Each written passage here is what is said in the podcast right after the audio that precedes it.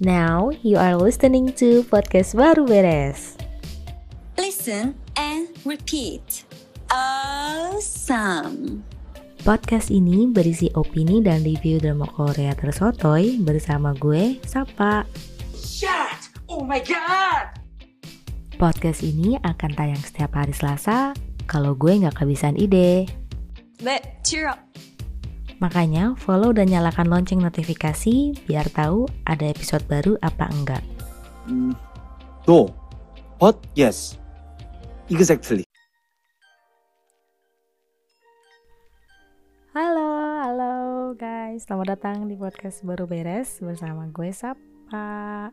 Di episode 12 ini gue pengen bahas topik yang paling gue suka yaitu adalah drama Korea woman centric. Di mana drakor ini tuh berpusat pada karakter perempuannya, menggunakan cara pandang dan perspektif perempuan dan erat kaitannya dengan feminisme. Enggak bisa dipungkiri ya, 9 atau 10 tahun yang lalu drama Korea itu masih penuh sama isu-isu yang membuat karakter perempuannya ini seolah lemah, tak berdaya, tertindas, menjadi sumber masalah atau korban dari tindakan karakter pria gue nggak akan sebut uh, drama apa itu tapi isu ini menurut gue menurut gue ini ya baru disadari para fans ini beberapa tahun yang lalu termasuk gue sendiri tapi untungnya perubahan pemikiran tersebut didukung oleh adanya perkembangan dari industri media di Korea yang juga mulai melirik topik woman centric ini. Sudah banyak drama Korea yang memiliki karakter perempuannya badass, pemberani, memimpin, dan juga memperjuangkan hak yang layak. Bahkan kalau dibahas satu persatu butuh setidaknya tiga episode podcast. Tapi yang mau gue bahas di episode ini lebih spesifik yaitu drama Korea yang membahas woman centric dengan tiga karakter wanita yang menjadi pemeran utama. Lebih spesifik lagi, tiga wanita ini memiliki hubungan persahabatan yang dekat, bahkan sangat dekat untuk saling cerita kisah percintaan dan kehidupan sehari-hari mereka. Di mana drama yang akan gue sebut ini enggak memiliki kisah cinta segitiga dan bergenre slice of life. Woman centric plus slice of life kombinasi favorit gue banget. Urutan penyebutan berdasarkan tahun rilis ya. Jadi kita mulai dari drama Because This Is My First Life Drama yang bercerita tentang tiga orang sahabat yang memiliki masalah hidup masing-masing. Yang pertama ada karakter bernama Yun Ji Ho yang berkeinginan untuk memiliki rumah tapi tidak memiliki uang yang cukup. Lalu ia putuskan untuk menikahi seseorang yang memiliki rumah dan sharing biaya cicilan rumah. Lalu yang kedua ada karakter Woo Suji, wanita karir yang mandiri, pintar beradaptasi, dan korban diskriminasi di kantor tempatnya bekerja. Lalu yang terakhir ada Yang Horang, wanita yang sangat ingin menikah dengan kekasihnya tapi terlalu gengsi untuk meminta sehingga harus mengubur keinginannya sendiri.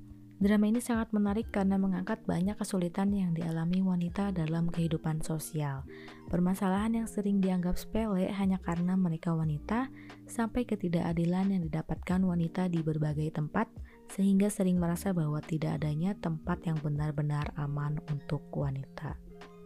Drama ini jadi salah satu yang paling sering dibicarakan kalau ngomongin drama woman centric karena porsi scene romantis dan komedinya seimbang, bisa ditonton semua umur dan menghangatkan bagi semua pecinta genre. Yang kedua, Search Triple W adalah salah satu drama terbaik menurut gue. Dari awal episode, penonton udah disuguhkan background dari ketiga wanita hebat yang menjadi pemeran utamanya. Ketiganya ini adalah wanita-wanita yang bekerja di bidang teknologi informasi pada perusahaan portal pencarian macam Google. Ketiganya memiliki jabatan dan tanggung jawab yang besar sehingga harus mengerahkan kemampuannya secara maksimal. Karakter Betami adalah seorang direktur yang memiliki pengaruh dalam mesin pencarian otomatis di portal website bernama Baro. Lalu ada Chahyun alias Scarlett yang awalnya adalah rivalnya Tami, tapi setelah mereka berada di tempat kerja yang sama, keduanya bekerja sama untuk tujuan yang kuat. Dan yang terakhir ada Song Gagyong, mantan atasannya Betami yang mendapatkan tekanan dari mertuanya dan memiliki hubungan yang datar dengan suaminya. Sehingga seberapapun tingginya posisi Song Gagyong akan tetap dipandang rendah oleh keluarga suaminya. Dengan latar tempat yang unik yaitu perusahaan teknologi, membuat drama ini disukai banyak orang karena juga memberi informasi bagaimana cara teknologi mesin pencarian otomatis tersebut bekerja dan percintaan ketiga karakter pun adalah tipe percintaan dewasa yang memiliki konflik anti-mainstream. Penonton akan mudah bersimpati dengan masalah yang dialami ketiga wanita ini dan akan kagum dengan cara mereka menyelesaikannya.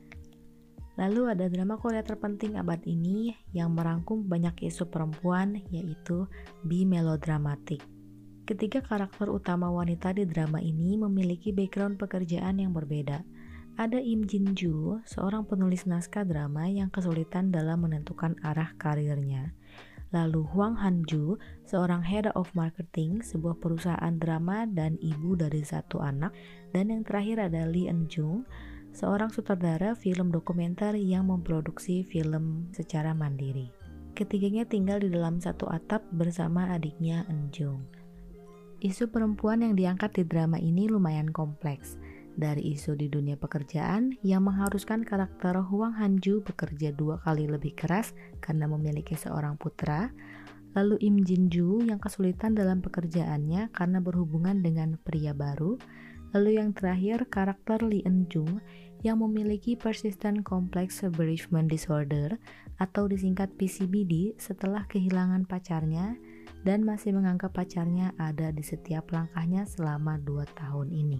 Ketiga sahabat ini saling menguatkan, saling merangkul di saat titik terendah, saling mendukung tanpa tekanan, dan selalu menyediakan pundak untuk bersandar. Yang keempat ini satu-satunya web drama yang masuk list. Favoritnya gue juga karena komedi dan chemistry ketiga pemeran utama wanitanya. Gue pernah bahas web drama ini di episode sebelumnya saking sukanya. Sama seperti Be Melodramatic, isu-isu yang diangkat di Work Letter Drink Now juga kompleks, mulai dari stigma LGBT, sexual harassment, patriarki, verbal abuse, sampai abuse of power, di mana drama ini menggambarkan bagaimana susahnya perempuan dalam menjalani kesehariannya dengan adanya isu-isu tersebut. Tapi cara penyampaian di drama ini tuh terbilang sederhana dan tersampaikan dengan baik, udah pasti karena dialog yang digunakan familiar dan tektokan ketiga karakter yang halus. Ketiga karakter wanita di sini digambarkan sangat manusiawi, di mana mereka juga mengalami masa sulit tersendiri, kadang menjadi wanita terkuat, tapi juga pernah di titik terendah. Bisa sangat rasional, tapi juga bisa hilang akal.